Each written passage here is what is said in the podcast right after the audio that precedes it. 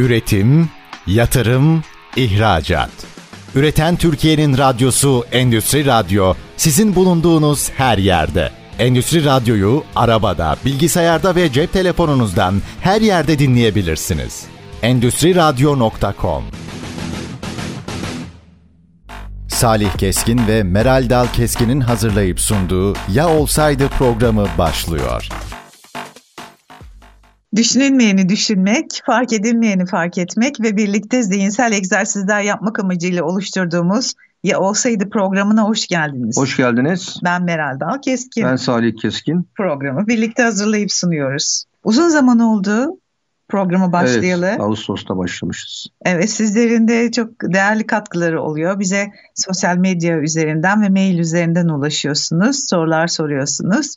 Bunları da bu mecrada cevaplandırmaya çalışıyoruz. Geçmiş programımızda eskimeye başlayan sektörler neler yapabilir? Bunları konuşmaya başlamıştık ve Özellikle de Türkiye'nin durumunu birlikte yorumladık. E, sektörlerin başarısız olmasına sebep olan çevresel ve örgütsel 8 tane faktörü değerlendirdik. Mesela pazarlama alanındaki yetersizlik, üretim uzmanlığı yetersizliği, müşteriyle yanlış kurulan iletişim ve rakip gelişmesiyle ürün hizmetimizin zaman aşımına uğraması gibi konuları detayıyla irdeledik.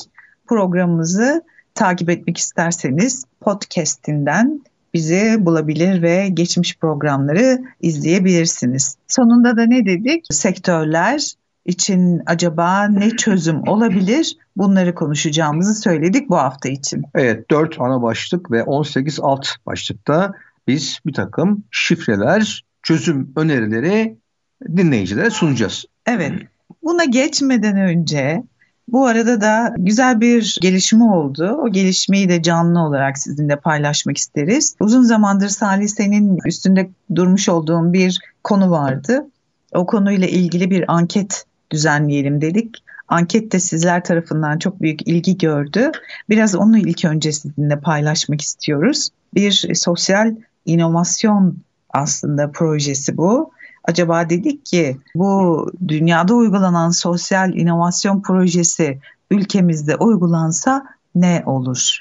Ya uygulansaydı ne olurdu? Evet ve uygulanabilir mi? Sizlerin görüşlerini istedik. Önce buna bir geçelim istiyoruz. O da huzur evleriyle acaba yetimhaneleri birleştirsek veya huzur evleriyle çocuk yuvalarını birleştirsek ne olur?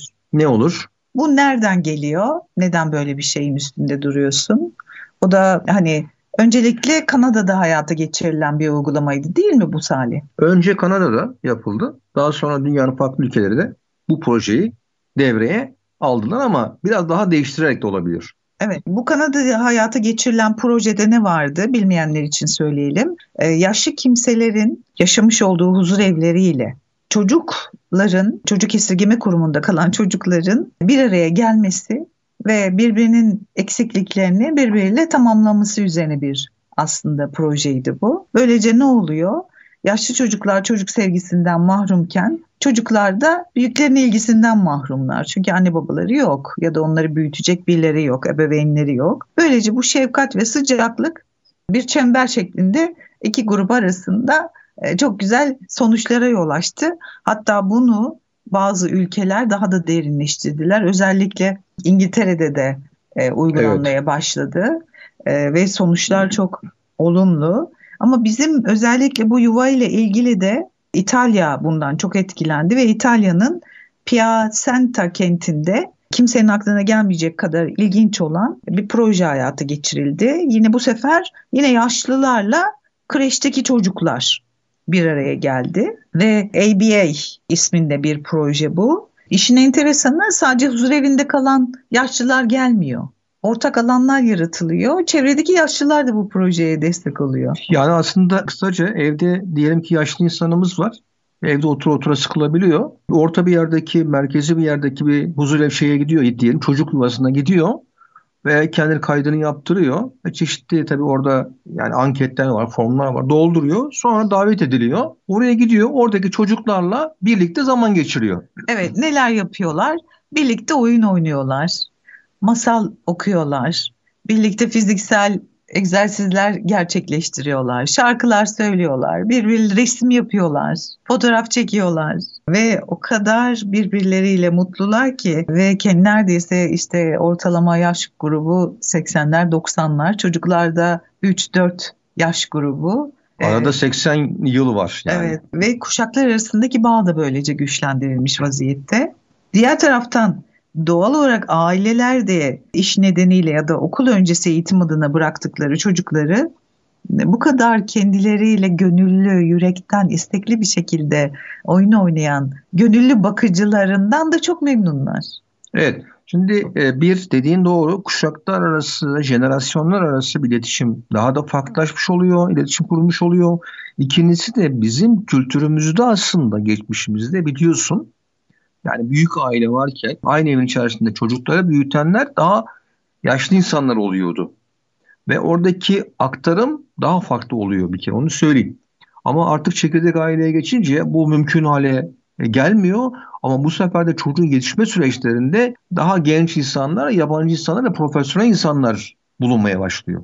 Evet. Peki bu proje nasıl ortaya çıkmış? ABA merkezinin koordinatörü Elena e, hem huzurevi hem de çocuk yuvası işletiyormuş. Hmm. Demiş ki acaba demiş iki tarafı bir araya getirsem nasıl olur? Ya olsaydı diye düşünmüş. Çok iyi düşünmüş bence. Ve Elena Giagosti e, hayatının farklı dönemlerinde insanlar neden ayrı bir yerde buluşmasın diye sorarak projeyi başlatmış. Ve bu başlattığı projeyle de biz dedik ki sizlere peki siz huzur evleriyle çocuk yuvalarının birleştiği projede yaşlıların çocuğunuza masal okumasını destekler ve çocuklarınızı bu yuvalara bırakır mısınız? Sonuçlar sonuçları açıklayacağım ama siz değerli dinleyicilerimiz siz de bir düşünür müsünüz? Belki çocuğunuz vardır ya da çocuğunuz artık büyük değildir ama bu projeyi destekler misiniz? Çünkü size sorduk. Evet bu çocuğumu bu yuvaya bırakırım. Bırakmayı düşünmem. Deneyebilirim. Harika fikir destekliyorum diye dört tane seçenek sunduk. Ve daha bugün ikinci gün tamamlanıyor. Bir haftalık bir anketti. Siz de oy kullanmak isterseniz LinkedIn üzerinden Salih Keskin ve Meral Dal Keskin'in anketine girebilirsiniz. Ve sonuçlar bu arada yaklaşık 30 bin kişi gördü ve okudu. Okudu evet. 852 e, oy geldi şu ana kadar. Bu 852 kişiye çok teşekkür ederiz ve oyların ortalama %18'i çocuğumu bu yuvaya bırakırım üzerine oldu. Peki bırakmayı düşünmem de aynı oranda yüzde yirmilerde şu an. Diğer iki oran çok önemli. Deneyebilirim diyenler yüzde otuz beşte ve harika fikir destekliyorum diyenler de yüzde yirmi üçte. Yani olumlu oranlar yüzde yetmişin üzerinde, seksene yakın. Evet evet ortalama yüzde yetmiş beş olumlu, yüzde yirmi beş şu an negatif bakıyor bu duruma. Siz çok değerli yorumlar geldi. Birkaç yorumu da paylaşalım mı? Evet evet iyi olur. Mesela bir hekimimiz, veteriner hekimimiz yorumda bulunmuş. Sonuçları görmek gerekli ama uygulamada kritik kontrol noktaları sağlamlaştırılırsa mental açıdan gelişime çok olumlu etkileri olacaktır. Yine bir inşaat teknikerimiz, yaşlı ve çocuk yerinin birleştirilmesi tabii ki iyi bir şey. Çocukların büyüklere özlemi var. Büyüklerin de çocuklara özlemi var. Güzel psikolojik bir eylem desteklemiş. Bunun yanı sıra tabii ki Yine her türlü yorumunuzu bulunmuş. Aa, İngiltere'deki örneği yazan biri olmuş. Evet. Bir e, iş geliştirme ve proje finans koordinatörü kendisi. O da demiş ki İngiltere'de huzur evleriyle kreşlerin ortak günleri bu var. Yaşlı insanların e, daha az hastalandığı, küçüklerin ise daha huzurlu, öğrenme sürelerinin daha hızlı olduğu şeklinde sonuçlara ulaşıldı. Hatta bununla ilgili de yine çeşitli kanallarda çeşitli videolara ulaşmak mümkün. Ne düşünüyorsun? Evet, şimdi inovasyon farklı konuların bir araya getirilmesidir aynı zamanda. Yani ilgisiz konuların. Burada ilgisiz gibi görülse de aslında temelde çok ilgili iki ana branş var. Bir tanesi yaşlı insanların bakımı ve tabii rahat ettirilmesi meselesi çok önemli. Günümüzün belki en fazla gelişen işlerinden bir tanesi. Çünkü yaşam süresi uzuyor insanların onların bakımı da söz konusu olmaya başlıyor. Ama kendi evlerimizde bakımı çok mümkün olmayabiliyor diyelim ki orada ne yapıyorsunuz? Merkezlere götürüyorsunuz. Devletin kendi merkezleri var, özel merkezler var vesaire. Fakat orada sıkıntı yaşlı insanların kendilerini yalnız hissetmeleri meselesi çok önemli. Malum hayatın o şey içerisinde, dinamizm içerisinde yaşandıktan sonra yani yanında işte yakınlarını bulamayınca şeyi kaybediyor. Hayat direncini de kaybediyor. Çabuk hastalanıyorlar. Dayanıklı olamıyorlar. Yani eskiden aynı evin içerisinde bahsettiğim o büyük aile içerisinde yaşlıların şeyi daha güçlüydü, dayanıklı daha fazlaydı. Hastalıklara karşı daha dirençliydi. Onun sebebi de aile içerisinde olmaları biraz ve tabii ki itibarlarını da kaybetmemiş olmaları. Bu çok önemli. Çünkü eskiden biliyorsun büyük baba evin direğiydi. Baba ondan sonra geliyordu büyük baba yani erkek direk olarak görülüyor veya işte babaanne, anneanne vesaire. Şimdi bugün de o, o da yok çok fazla. Yani oradaki şeyi de biraz düşmüş durumda, itibar düşmüş durumda. Doğru değil aslında onu onu söylemiş olayım. Ama bu projeyle birlikte yani ilgisiz gibi görünüyor ama temelde ilgili olan iki konunun birleştirilmesi meselesi bir anda yaşlı insanların kaybettikleri o ilginin, alakanın çocuklar tarafından çünkü çocuklar da büyüklerin o şefkatine, sevgisine, ilgisine çok ihtiyaç duyuyor. Acaba Aile Bakanlığımız bu projeyi uygulasaydı sonuca ne katkıda bulunurdu? Tabii aslında biz yazının sonunda şu soruyu sorduk yani. Aile Bakanlığımız bunu uygular mı acaba diye. Bir kere bu tabii uzmanların önce üzerinde çalışması gereken bir konu. Çünkü işin tabii kültürel tarafı da var. Yani İngiltere'deki yaşlılar çok daha belki konformist bir hayattan geliyorlar. Daha eğitimliler. İtalya'da öyle yani. İşte Kanada da öyle. Ama bizim yaşlılarımız çok eğitimli olmayabilir. Bir, ikincisi daha işte vücut direnci olarak daha zayıf olabilir. Çocuklardan onlara geçebilecek olan çeşitli ne diyelim bakteriler, mikroplar vesaire yaşlılarımız için daha şey olabilir. Mesela dikkat edilmesi gereken bir konu olabilir. Oradaki mesele bazı tedbirler alındıktan sonra bunun bir deneme şeklinde öncelikle ortaya konulmasıdır. Ufak denemelerden sonra, pilot denemelerden sonra başarılı olması halinde veya orada aksayan yanları varsa onların da bulunup düzeltilmesi şeklinde toparlanabilir diye düşünüyorum. Peki bunun için ne engelimiz var? Yani ben bir bürokrasinin bu konuda engel olabileceğini düşünüyorum. Onu söyleyeyim. E, bir de tabii yani yenilikçi yaklaşımlar her zaman dirençle karşılaşır. Yani bütün tarih boyunca böyledir yani. Fakat şöyle düşünelim yani sosyal hani yenilikçi diyoruz ya biz buna. Şimdi toplumun kendi iç, iç işleyişi, ve zaman içerisinde ortaya çıkan çeşitli sorunların e, bir şekilde yenilikçi tarafıyla da çözülmesi lazım. Şimdi düne kadar yaşlılarımız böyle merkezlere çok fazla gitmiyordu. Ama artık gitmeyen diyelim bir yaşlımız yok. O zaman biz onların buradaki mutsuzluğuna çözüm bulmak zorundayız. Neden? Çünkü yarın biz de ömrümüz varsa oraya gideceğiz. Aynı yalnızlığa uğrayacağız. Kesinlikle doğru ve bizde de yaklaşık bin kişi e, burada oy kullanmış. %75 bir olumlu bakış açısı da var. Yüksek bir oran gibi görünüyor. Ya bizim toplumumuz denemeyi sever. Kesinlikle. Ee, ve bu arada bu arada bizim toplumumuz biraz girişimci bir toplumdur. Gözü kara bir toplumdur. Hatta bir söz vardır biliyorsun. Dünyada derler ki bir işe Türk gibi gir. Evet. Alman gibi devam ettir, İngiliz gibi sonuçlandır. sonuçlandır. Yani biz tabii Alman gibi devam ettiremiyoruz. İngiliz gibi sonuçlandıramıyoruz. Sıkıntı orada. Ama Türk gibi gir. Yani ne demek?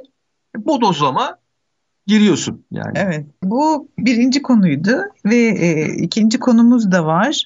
Ona da bir girelim sonra aradan sonra da yine devam ederiz. O da ilginç bir konu. Yine uzun zamandır yazıyorsun. Şimdi biz kalabalık bir ülkeyiz ve trafik bütün illerde kalabalıklaşmaya başladı. Toplu ulaşım her zaman yoğun ve hep ayaktayız.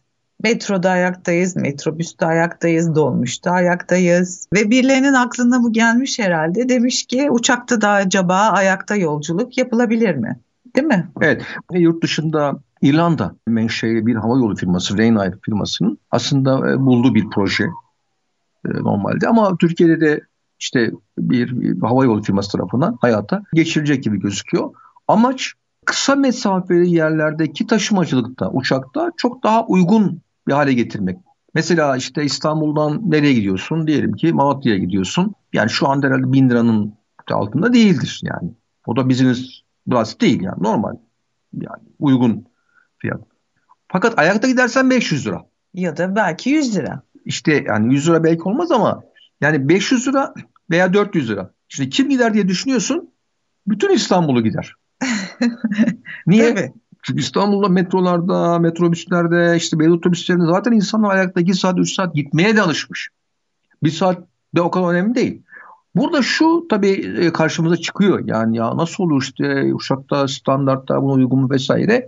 Bunlar tabii standartlar üzerinde çalışılmış, belli aşamalara getirilmiş e, ve dolayısıyla bunlara izinler şu anda çıkmak üzere diyelim. Burada da tabii çıkış noktası yine Rayner'ın CEO'su e, sadece 8 dolara ben Euro. 8 euroya e, yolcularıma nasıl imkan tanıyabilirim diye 2019 yılında da duyurmuş bu arada. Evet şöyle yani diyor ki ben şehirler arası 8 euro yolcu uçuruyorum. Tüm amacım bunun en kısa zamanda tamamen bedavaya döndürmek. Oo, burası daha o enteresan. Çok enteresan. Bir sonraki tamam. aradan sonraki programımızda devam edelim. Kısa bir ara veriyoruz. Üretim, yatırım, ihracat. Üreten Türkiye'nin radyosu Endüstri Radyo sizin bulunduğunuz her yerde. Endüstri Radyo'yu arabada, bilgisayarda ve cep telefonunuzdan her yerde dinleyebilirsiniz. Endüstri Radyo.com Aradan sonra birlikteyiz. Ya olsaydı programındasınız. Meral Dal Keskin ben. Salih Keskin. Enteresan bir konu başlığıyla yine sizinle birlikteyiz. Ne dedik? Metroda ayaktayız, metrobüste ayaktayız, dolmuşta ayaktayız. Peki uçakta da ayakta yolculuk başlar mı? Kullandığımız yani o sosyal medya platformunda çok ilgi çekti. Yani 35 bin kişi bu yazıyı okudu. Çok yorumlar var. Şimdi bunu tabii ankete dönüştüreceğiz. Yani siz dinler misiniz falan diye. Herkesin bilmesi zaten söz konusu olamaz. Çünkü gelir kitle diye bir şey var. Yani insanların gelirleri yüksekse böyle bir şey zaten yapmazlar. Ama şöyle bir durum var.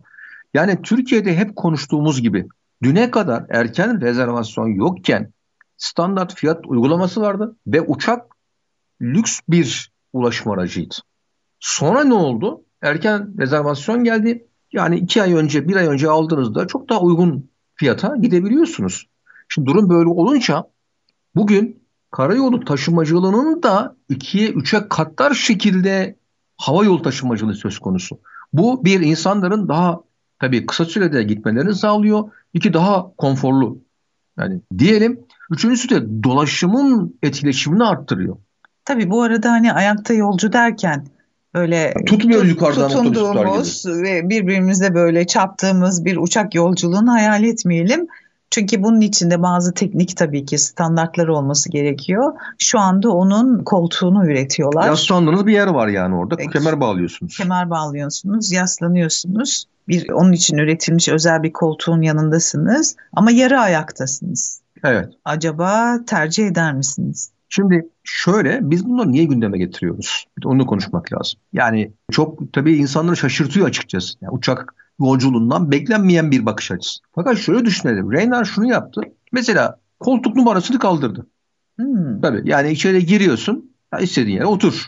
Bileti kaldırdı. O kağıt var ya kağıt. Ya diyor ki al internetten beni uğraştırma hani kağıtta filan. İkincisi numarayla uğraştırma. Çünkü numara demek yani koltuk numarası demek uçakların ortalamada havalimanında 10 e, dakika daha fazla beklediğini ortaya koymuş. Uçakların biliyorsun bekleme yani saatle Dolayısıyla her bir harcanan zaman uçak için artı maliyet anlamına geliyor. Şimdi bunlar alternatif e, hizmet türleri. Velhasıl bizim amacımız da dünyada alternatif ne olabilir? Düne kadar tabu olan, hiç kimse düşünmedi mi uçakta böyle bir şey? Tabu olan bu konuların acaba yani aşılıp da yeni hizmet türlerine ulaşılabilir mi? Yani e, Martı'yı düşünsene yani Martı firması var ya hani scooterlar. Evet. Şimdi şehir içerisinde tabii tehlikesi de olabiliyor. Fakat standartlar yeni getiriliyor. Şimdi şunu düşünebilir miydin? Bundan 15 sene önce yolun bir yerinde bir direkte asılı bir şey bulacaksın. Telefonunu okutacaksın, basıp gideceksin. Gittiğin yerde, istediğin yerde bırakacaksın. Evine gideceksin, işine gideceksin mesela. Bu mantık Amerika'da biliyorsun Cartuco diye bir firma vardı. Dain, Alman Dainman firmasının Amerikan destinasyonunda kurduğu bir firma. Ve dolayısıyla onun bir benzerin aynısını bunu burada scooter olarak uyguladılar. Veya yarın daha farklı bir modeli gelecek. Yani tabii ki yani Airbnb biliyorsun. Evet. Yani bu firmanın dünyada ne evi var ne oteli var. Yani ne pansiyonu var. Fakat herkesin oteli, herkesin pansiyonu, herkesin evi onu kendi hizmet sunduğu bir ürün gibi düşün. Bakalım bu ayakta yolcuyu bizim ülkemizde ilk hangi havalimanı uygulamaya geçecek? Var şu anda çalışılıyor. Bir bilinen bir karşı Sabiha Gökçen'de konuşlanmış bizim meşhur bir havayolu firmamız var. Onlar herkes bilir. O galiba ilk yapanlardan olacak. O firma Türkiye'de ilk uçak üzerine reklam alan firma aynı zamanda. Evet harika. Bizi takip etmeye devam ediniz. Anket sonuçlarını önümüzdeki hafta sizlerle paylaşmayı planlıyoruz. O zaman gel geçen hafta başladığımız konuya devam ederek ipuçlarını verelim. Peki. Eskimeye başlayan sektörlerden çıkış ipuçları. Ama tabii acaba hangi sektörler eskiyor? Birkaç örnek paylaşmak ister misin? Evet tabii. Şimdi öncelikle düşük yani gelirli sektörler var. Yani yüksek teknolojide karlı sektörler var ve aynı zamanda düşük getirili sektörler var. Şimdi onlardan bir tanesi yani demir çelik sektörü mesela. Karlılığı çok yüksek değil, düşük. Çünkü ağır sanayi yani öyle baktığımızda maliyetler de orada çok yüksek. Yenisi e, işte tekstil sektörü bizim altyapımız çok güçlü olan bir sektör. Ayakkabı sektörü gerçekten altyapımız çok güçlü olan bir sektör ama yavaş yavaş eskiyor. Bu haliyle eskiyor. Yani içerisinde makinalaşma süreçleri çok hızlı gelişiyor. Teknoloji orada çok hızlı gelişiyor. Yani tarım ürünleri meselesinde mesela Türkiye iyi bir üretici gibi gözüküyor. Son bir iki yıl içerisinde atağa geçti hafiften. Fakat orada maliyetler çok yüksek olduğu için karlar düşük. Dolayısıyla üretim gelişimi biraz yavaşlamış durumda. Şimdi burada yapması gereken şey hangi sektörler eskidiyse bunların eskime sebeplerini ortaya çıkartarak Nasıl bunları regüle edebiliriz? Bu bir. İkincisi eğer gerçekten bu sektörde bir gelişim yoksa bu sektörün yerine oradaki aktörleri nasıl bir dönüşüme uğratarak başka sektöre kazandırabiliriz? Bunun üzerinde biraz çalışmamız gerekiyor. E, mesela e, bunlardan bir tanesi üründe değişim yapmak mümkün olabilir değil mi? Evet. Şimdi burada 4 ana başlık ve 18 alt konu başlıkları var. Mesela dört ana başlık. Biz eskimeye başlayan sektörlerin bu dört ana başlıkta derinleşerek zorlukların aşılabileceğini düşünüyoruz. Yani bir tanesi üründe değişim yapacaksınız. Ürün dediğimiz şey, yani dokunabildiğimiz şey üründür. Bunun performansında, bunun müşteriye uygunluğunda, bunun dayanıklılığında, bunun düzenli olmasında, bunun stilinde, bunun tasarımında, bunun şeklinde, bunun şemalinde vesaire. Yani üründe siz ne yapmalısınız ki o ürünün o doygunluğunu aşasınız. Bir süre sonra sanıyorum o kadar çok o ürüne alışıyoruz ve ana konumuz hep o ürünün üretimi oluyor. Artık o ürünü nasıl farklılaşacağımız e, konusunu gündemimize almıyoruz değil mi? Yani müşteri olarak belki beklentimiz var. Yani şikayetlerimizde bunu bildiriyoruz firmalara. Örnek veriyorum. Her şey minyatürleşiyor. Ya kendi konuştuk ya. İşte evde kullandığımız o e, büyük fırınlar vardı biliyorsun. Ne oluyor? Küçük hale getiriyor vesaire. Minyatür hale geliyor. Çünkü hani evlerimiz artık büyük değil. Bir artı sıfırlar var. Yani insanlar bir artı sıfırda yaşıyor tek kişi olarak. Bir artı bir yaşayan iki insan var yani. Evler küçük. Dolayısıyla büyük cihazlar küçülmeye falan başlıyor. Hani herkes küçük almaz ama küçük talebi var.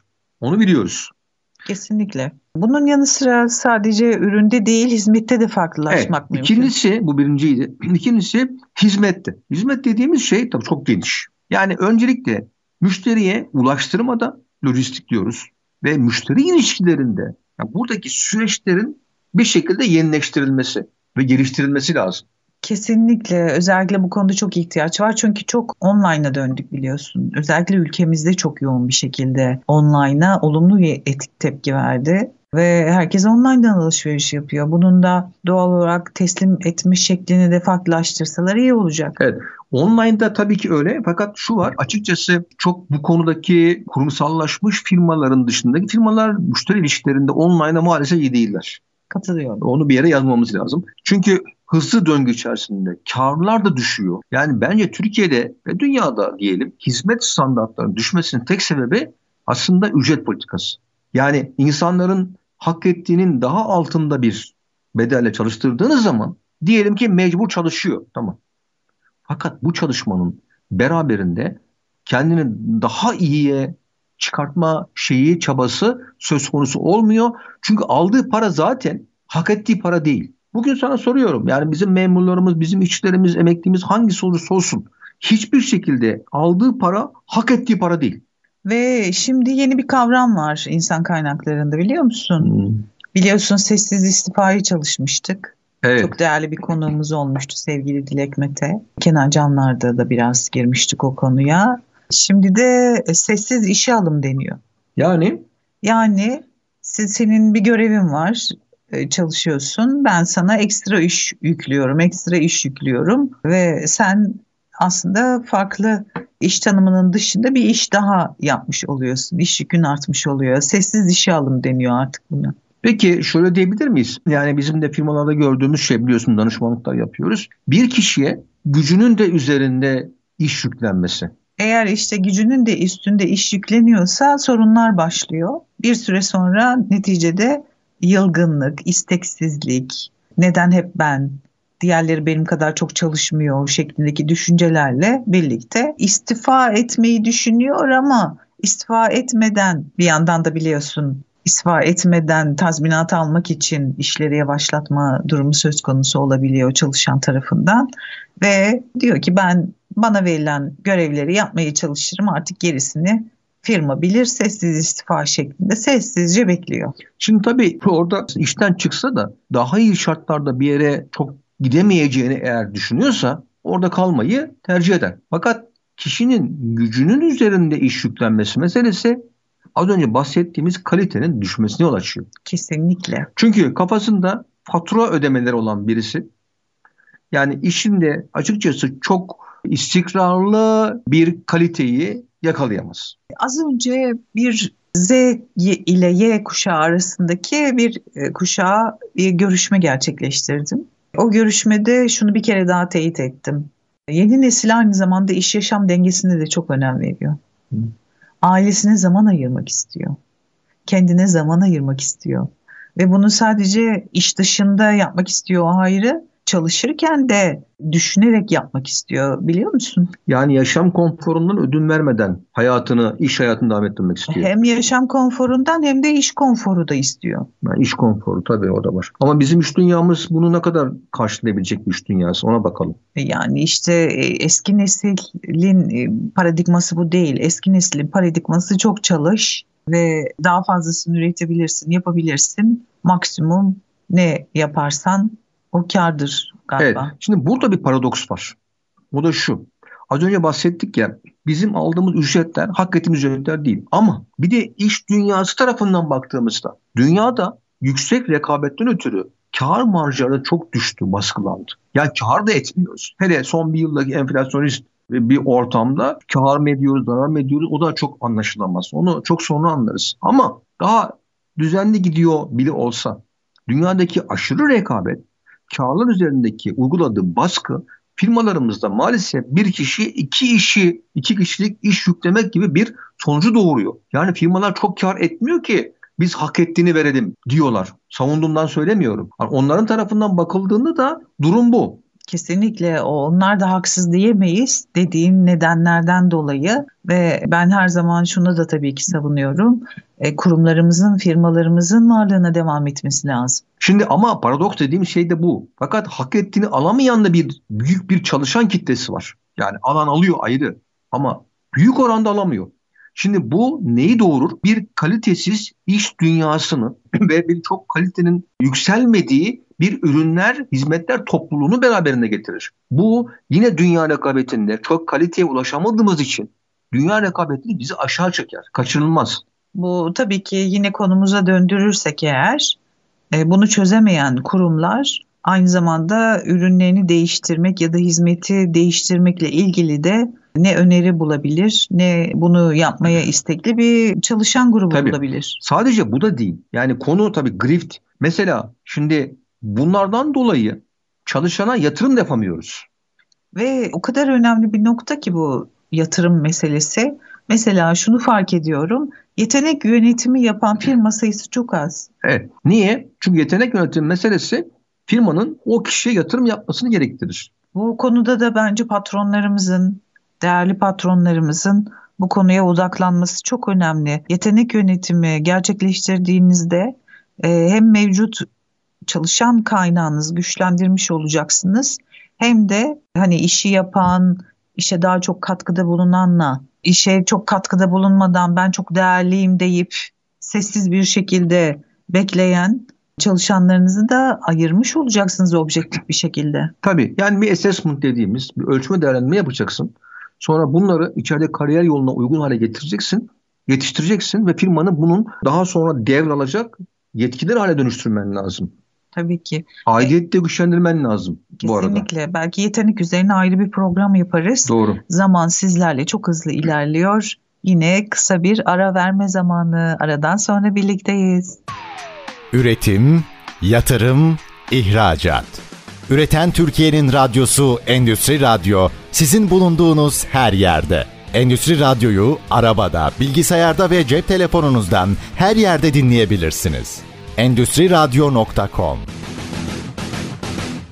Kısa bir aradan sonra yine birlikteyiz. Ya olsaydı programındasınız. Meral Dalkeskin ben. Salih Keskin.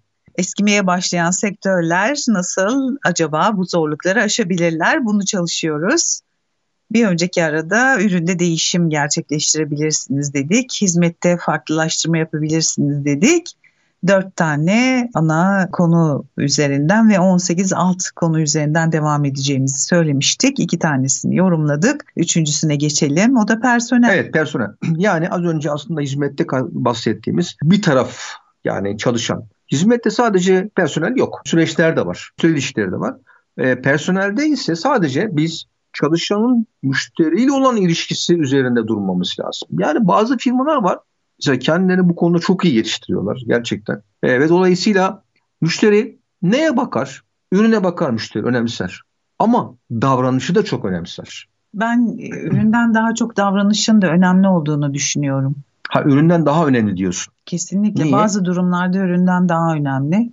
Çünkü neticede artık çok bilinçliyiz tüketici olarak. Hmm. Ben kendi deneyimimi paylaşabilirim burada. Bir ürün almak istedim küçük ev aleti. Tabii ki internetten bayağı bir araştırma yaptım özellikleriyle ilgili. Performansını kıyaslamaya çalıştım ve iki tane indirgedim. Tam da e, bir AVM'de gezerken görmek de istedim ürünleri. Bir mağazaya girdim Gerçekten de iki tane ürün var bu arada. Orada da iki tane ürün de vardı. İkisini de gözlemledim.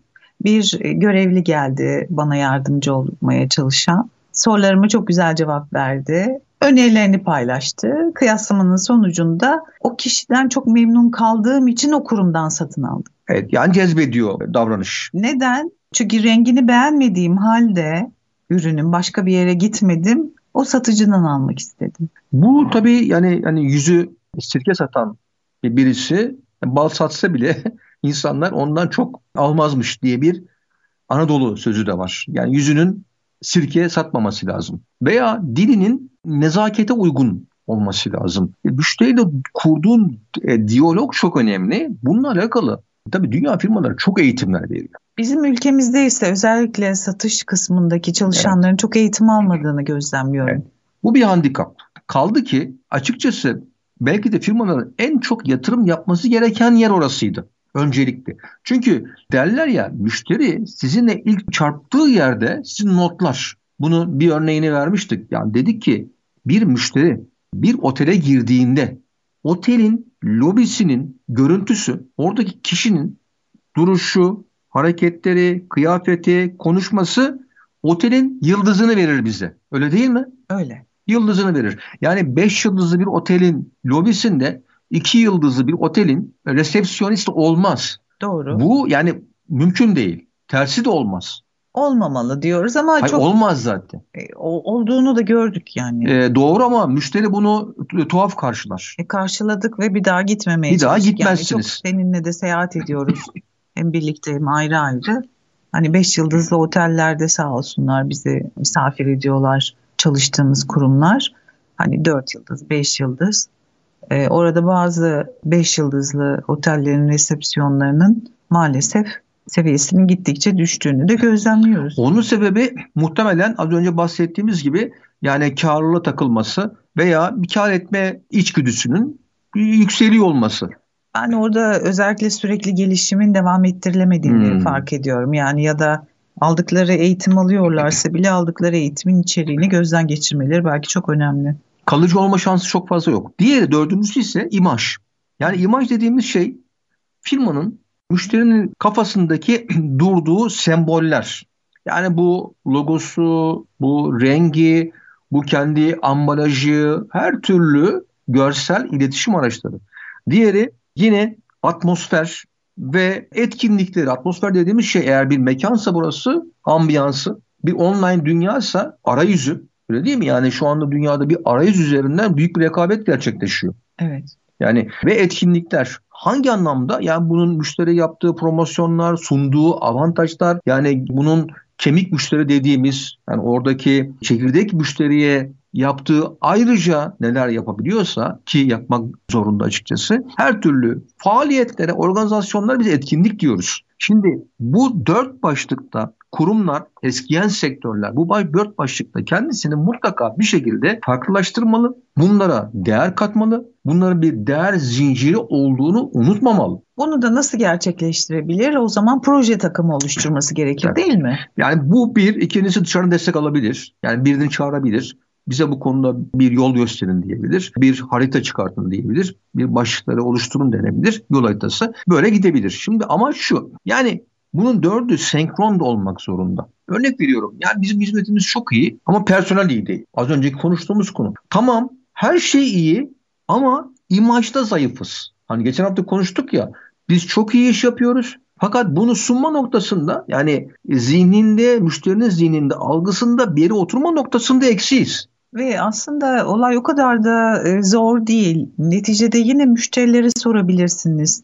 Bu konuda firmalar var. Bunu ölçen, test eden, size e, çok güzel raporlar oluşturan, kurumunuzun dışarıdan nasıl göründüğünü, müşterinin gözünde ne olarak algılandığını, markanın olsun, renklerin olsun, hizmetin, uygulamanın, satıcıların. Ger gerçi tabii ki ucuz şeyler değil bunlar yani neticede değil. ama hani pahalı da diyemeyiz sonuçlarının yanında. Mesela hizmet sektöründe Türkiye dünyadaki hizmet sektöründe iyi olan ülkelere göre çok altta. Bunun sebebi ne biliyor musun? Mesela bunun sebebi Türkiye yaptığı iyi şeyleri sürdürülebilir şekilde yapamıyor. Bunu gevşetiyor mesela. Bu bence çok disiplinli bir toplum olmamamızla çok alakalı bir şey. Kesinlikle plan, program yapmak, Tabii. bunun üstüne e, küçük bir şeyler katmak, farklılaştırmak ama geçmişi de unutmamak. Şimdi buradaki mesela bir örnek vereceğim. Şimdi biz firmalar küçükten büyümeye doğru giderken çok disiplinli olabiliyoruz. Tamam. Fakat belli büyüklüğe geldikten sonra firma para kazanmaya başladıktan sonra mesela para yönetimi konusunda zayıflıyoruz. Kesinlikle katılıyorum. İş disiplini konusunda zayıf, yani hepsi değil. Yani zayıflamayan firmalar var ama bunlar gerçekten o profesyonel mantığı çözmüş de firmalar. Bunlar ayakta kalır ve onun büyümesi bir şey engelleyemez. Fakat sayı çok az. Onun için ülkemizde firmalar ikinci, üçüncü jenerasyona geçme noktasında büyük sıkıntılar yaşıyor. Mesela çocuk babanın aldığı bu iş disiplini meselesini çok rahat büyüdüğü için alamadığından dolayı aynı disiplini sürdüremiyor firmada ve firma bir şekilde gevşiyor, yavaşlıyor, satılıyor ve parçalanıyor. Ve yolda çözeriz, yolda buluruz, nasıl olsa düzeltiriz diye bazı aslında fark edilen sorunlar, hissedilen problemler halının altına atılıyor galiba. Çok güzel. Yani mesela işlerin çoğalması esnasında da biz mükemmel hizmeti gevşetiyoruz. Anlatabiliyor muyum? Mesela bir lokanta açıyorsun. Yani normal müşterisi var. Zaman içerisinde yemeğinde beğeniliyor. Orası çok hareketlendiği zaman kalite kesin bozuluyor. Bak onu söyleyeyim. %80 e, diyelim değil mi? %20 yani, belki devam ediyor. Şu ana kadar istisnayı görmedim. Şöyle oluyor. Tabii o marka değerini koruyabilecek kapasitede kendisini koruyabilecek firmalar fiyatları yükseltiyor. Çok müşteri gelemiyor bu sefer. Evet. Anlatabildim mi? Yine normal müşteri geliyor ama fiyat yüksek, cirosu yüksek, karlılığı çok yüksek. Şeyi bozmuyor. Yani oradaki iş yoğunluğu onu boğmuyor. Evet. İş yoğunluğu boğan firmalar da kaliteyi düşürüyor. O zaman ne diyoruz? Evet. Şimdi alt başlıklara geçeceğiz. Geçelim. Yani bunu da bugün bitiremeyiz ama sonuçta örnek veriyorum dört ana başlığın alt başlığı 18 tane. Bir tanesi sunumu farklılaştırmak. Ne demek istiyorum? Yani müşteriye ulaştırma şeklinde. Örnek veriyorum. Yani eskiden biz markete gidiyorduk. Ürün alıyorduk. Bugün gitmeden de aynı fiyata evine gelebiliyor. Ve farklı kanallardan yani hem o market getirebiliyor ya da o marketten alacağın ürünü farklı ha. hizmet kanalları Doğru. getirebiliyor. Çok güzel. Pazar yeri kurmuş. Evet. O pazar yeri farklı markaların ürünlerini bulunduruyor ve aynı markaları bulunduruyor sana gönderiyor. Şimdi hem de diyor ki 10 dakikada evinde diyor mesela. Bu çok önemli. Bu bir. Bu sunumu farklılaştırmak ve sonra işte bu Amazon.com'un var aslında tek tık alışveriş. Yani bir ürün bitiyor tıklıyorsun kapına geliyor vesaire. Yani sadece tık telefonda bir arayüz var tıklıyorsun geliyor. Şimdi bu bir sonraki etap. Mesela sunum farklılaştırmış. Sonraki etap ise belki de artık senin evdeki tüketim belli olduğu için hiç sipariş vermeyeceksin. Kapı çalacak. Açacaksın deterjan bitmiştir efendim buyurun diyecek size verecek. Ha gidilen yer orası. Yani işte daha önceden biliyoruz buzdolabında şey bitiyor yumurta bitiyor. Sen e, yumurta biterken bir bakıyorsun kapıya e, yumurta gelmiş. Farkında evet. bile değilsin. Tabii. Buz, buzdolabı onu sipariş vermiş. Çok doğru. Şu anda tabii internete giren buzdolapları var. İçerideki ürünleri sana mesaj atıyor. Akşam tavuk kalmadı diyor. Evde yok diyor mesela. Buzdolabı seninle ne yapıyor? Konuşuyor. Bu 4.0 biliyorsun. Yani 4.0 yani makinelerle insanların iletişimi diyelim. Ya ikincisi satış yöntemini farklılaştırmak. Yani ne demek istedik? Alt faktörler şunlara oluşuyor. Yani önce sunumu farklılaştırabilirsin. Yaptığın işin sunumunu müşteri farklıdır. İkincisi satış yöntemini farklılaştır. Yani örnek veriyorum bir dünyanın en büyük spor ayakkabı markalarından bir tanesi zaten birkaç tane bilinen var. Bir tanesi ne yapıyor biliyor musun? Ayakkabıya çip takmış. Tamam. Sen ne kadar yürüyorsan diyor ki 5 bin yürü bana gel bedava ayakkabı al. Harika. Tabii oyunlaştırma da yapıyor. Senin ne kadar yürüdüğünü ölçüyor. Bu arada ne kadar kalori vermiş olabileceğini oraya kaydediyor, sana bildiriyor vesaire. Şimdi niye bunu yapıyor? Yani niye bedava ayakkabı dersin? Bence senin yaşamanın içerisinde yer aldığını da gösteriyor. Yani ben senin sana yürütmek, spor yapmanı istiyorum. Spor yaparken beni kullanmanı istiyorum. Senin sporuna destekliyorum diyor. Tabii ama bunu yaparken tabii zekice iş yapılan işler bunlar. Mesela promosyon yapmıyor, kampanya yapmıyor. Kampanyadaki o bir bedeli var ya yani %10 bir marj var diyelim ki hmm. promosyon marjı onu oraya veriyor. Evet benim de deneyimliyor. Benim hayatımın Tabii. içinde yer alıyor. Farklı bir bağ kuruyor. Yine Amerika'da mesela bir araba yıkama servisi var. Normal şartlarda şöyle bir fiş uygulaması yapılıyor. Bonus uygulaması. 9 kere getir bize bir kere bedava vereceğiz. Hmm. Başka bir firma çıkıyor. Birincisi bedava diyor. Sonra 9 ücretli Aa, diyor. Herkes oraya gidiyor. Çok doğru. Şimdi bize ne olur? Birinci alır kimse ondan sonra gitmez vesaire ama tabii kredi kartından bunlar bir şekilde bağlanılıyor. E, dolayısıyla ne yapıyor? Dedik ya satış yöntemini farklılaştır. Diğer ise yeni pazarlara girmek. Hmm. Yani bugün senin müşterin olmayan bir kesim var. Bu kesim henüz müşterin değil. Bunu nasıl müşterin yapabilirsin? Çünkü pazar darsa, belliyse senin oradaki müşteri şeyin açılımını bir şekilde sağlaman lazım. İşte bunun için de araştırma yapman lazım. O konuda çalışanlarının bir bakış açısı farklı olması gerekir. Nitelikli personel çalıştırman gerekir değil mi? İşte bak e, yine ilk dört maddeye geldik. Yani dört ana ayak. Hani binayı da siz dört ana ayak üzerine oturuyorsunuz ya. Yani onlardan biri üründü, hizmetti, personeldi, imajdı. Şimdi bunların alt başlıkların hepsi zaten ana ayakların üzerine oturuyor bir şekilde. Üst katları şu an tamamlıyoruz. Diğeri ise maliyetleri azaltmak mümkünse. Bu sadece kendi maliyetlerin değil, müşterinin de maliyetlerini azaltman lazım. Hmm. Yaptığın iş senin toplam müşterinin toplam maliyetlerini senin düşürebiliyorsa. Yani öyle bir şey yapıyorsun ki mesela bana bir cihaz veriyorsun. Tamam. Benim üç tane ayrı ayrı yapan şeyleri bir cihaz yapıyor. Biraz pahalı fakat benim maliyetlerimi toparlıyor. Tercih ederim. Tercih edersin. Yani bunun gibi müşterinin ayrıca o sektörde senden aldığı ürünlerde ayrıca ne maliyetleri var? Mesela bir iş makineleri firması. Tamam. Diyor ki ben diyor yüzde yirmi rakiplerden daha pahalıyım. Tamam. Tamam ama diyor iki sene içerisinde bozulduğu zaman sana iki saatte yedek parça getirme garantisi veriyorum. Oo. Bak çok enteresan. Şimdi bu öyle bir şey ki o sektörde araştırmışlar bunlar. Dediğin gibi yani araştırıyorlar. O sektördeki en önemli şey iş makinesi. Bozulma esnasında yedek parça sorunu. Belki e, bir haftada iki haftada gelmiyor. Yani şöyle duruyor. yani geliyor ama diyor ki bir gün sonra gelirim. Ya bir günlük kayıp yedek parçanın fiyatını dörde katlıyor zaten. Hmm. Yani bir günlük duruyorsun yani şey duruyor. İnşaat duruyor. Yani oradaki o ihtiyacı fark etmiş değil mi rakip firma? Müşteriyi iyi dinlemiş bence müşterinin oradaki boşluğunu iyi yakalamış. Mesela bir firma var İngiliz iş ev aletleri, şey makineler ya işte inşaat makineleri şunlar bunlar. Mesela şunu görmüş. Bunları satmak yerine kiralamayı tercih ediyor. Evet. Ve insanlar da inşaat yaparken alıyor makineler, inşaat bütün makineler hurda oluyor zaten.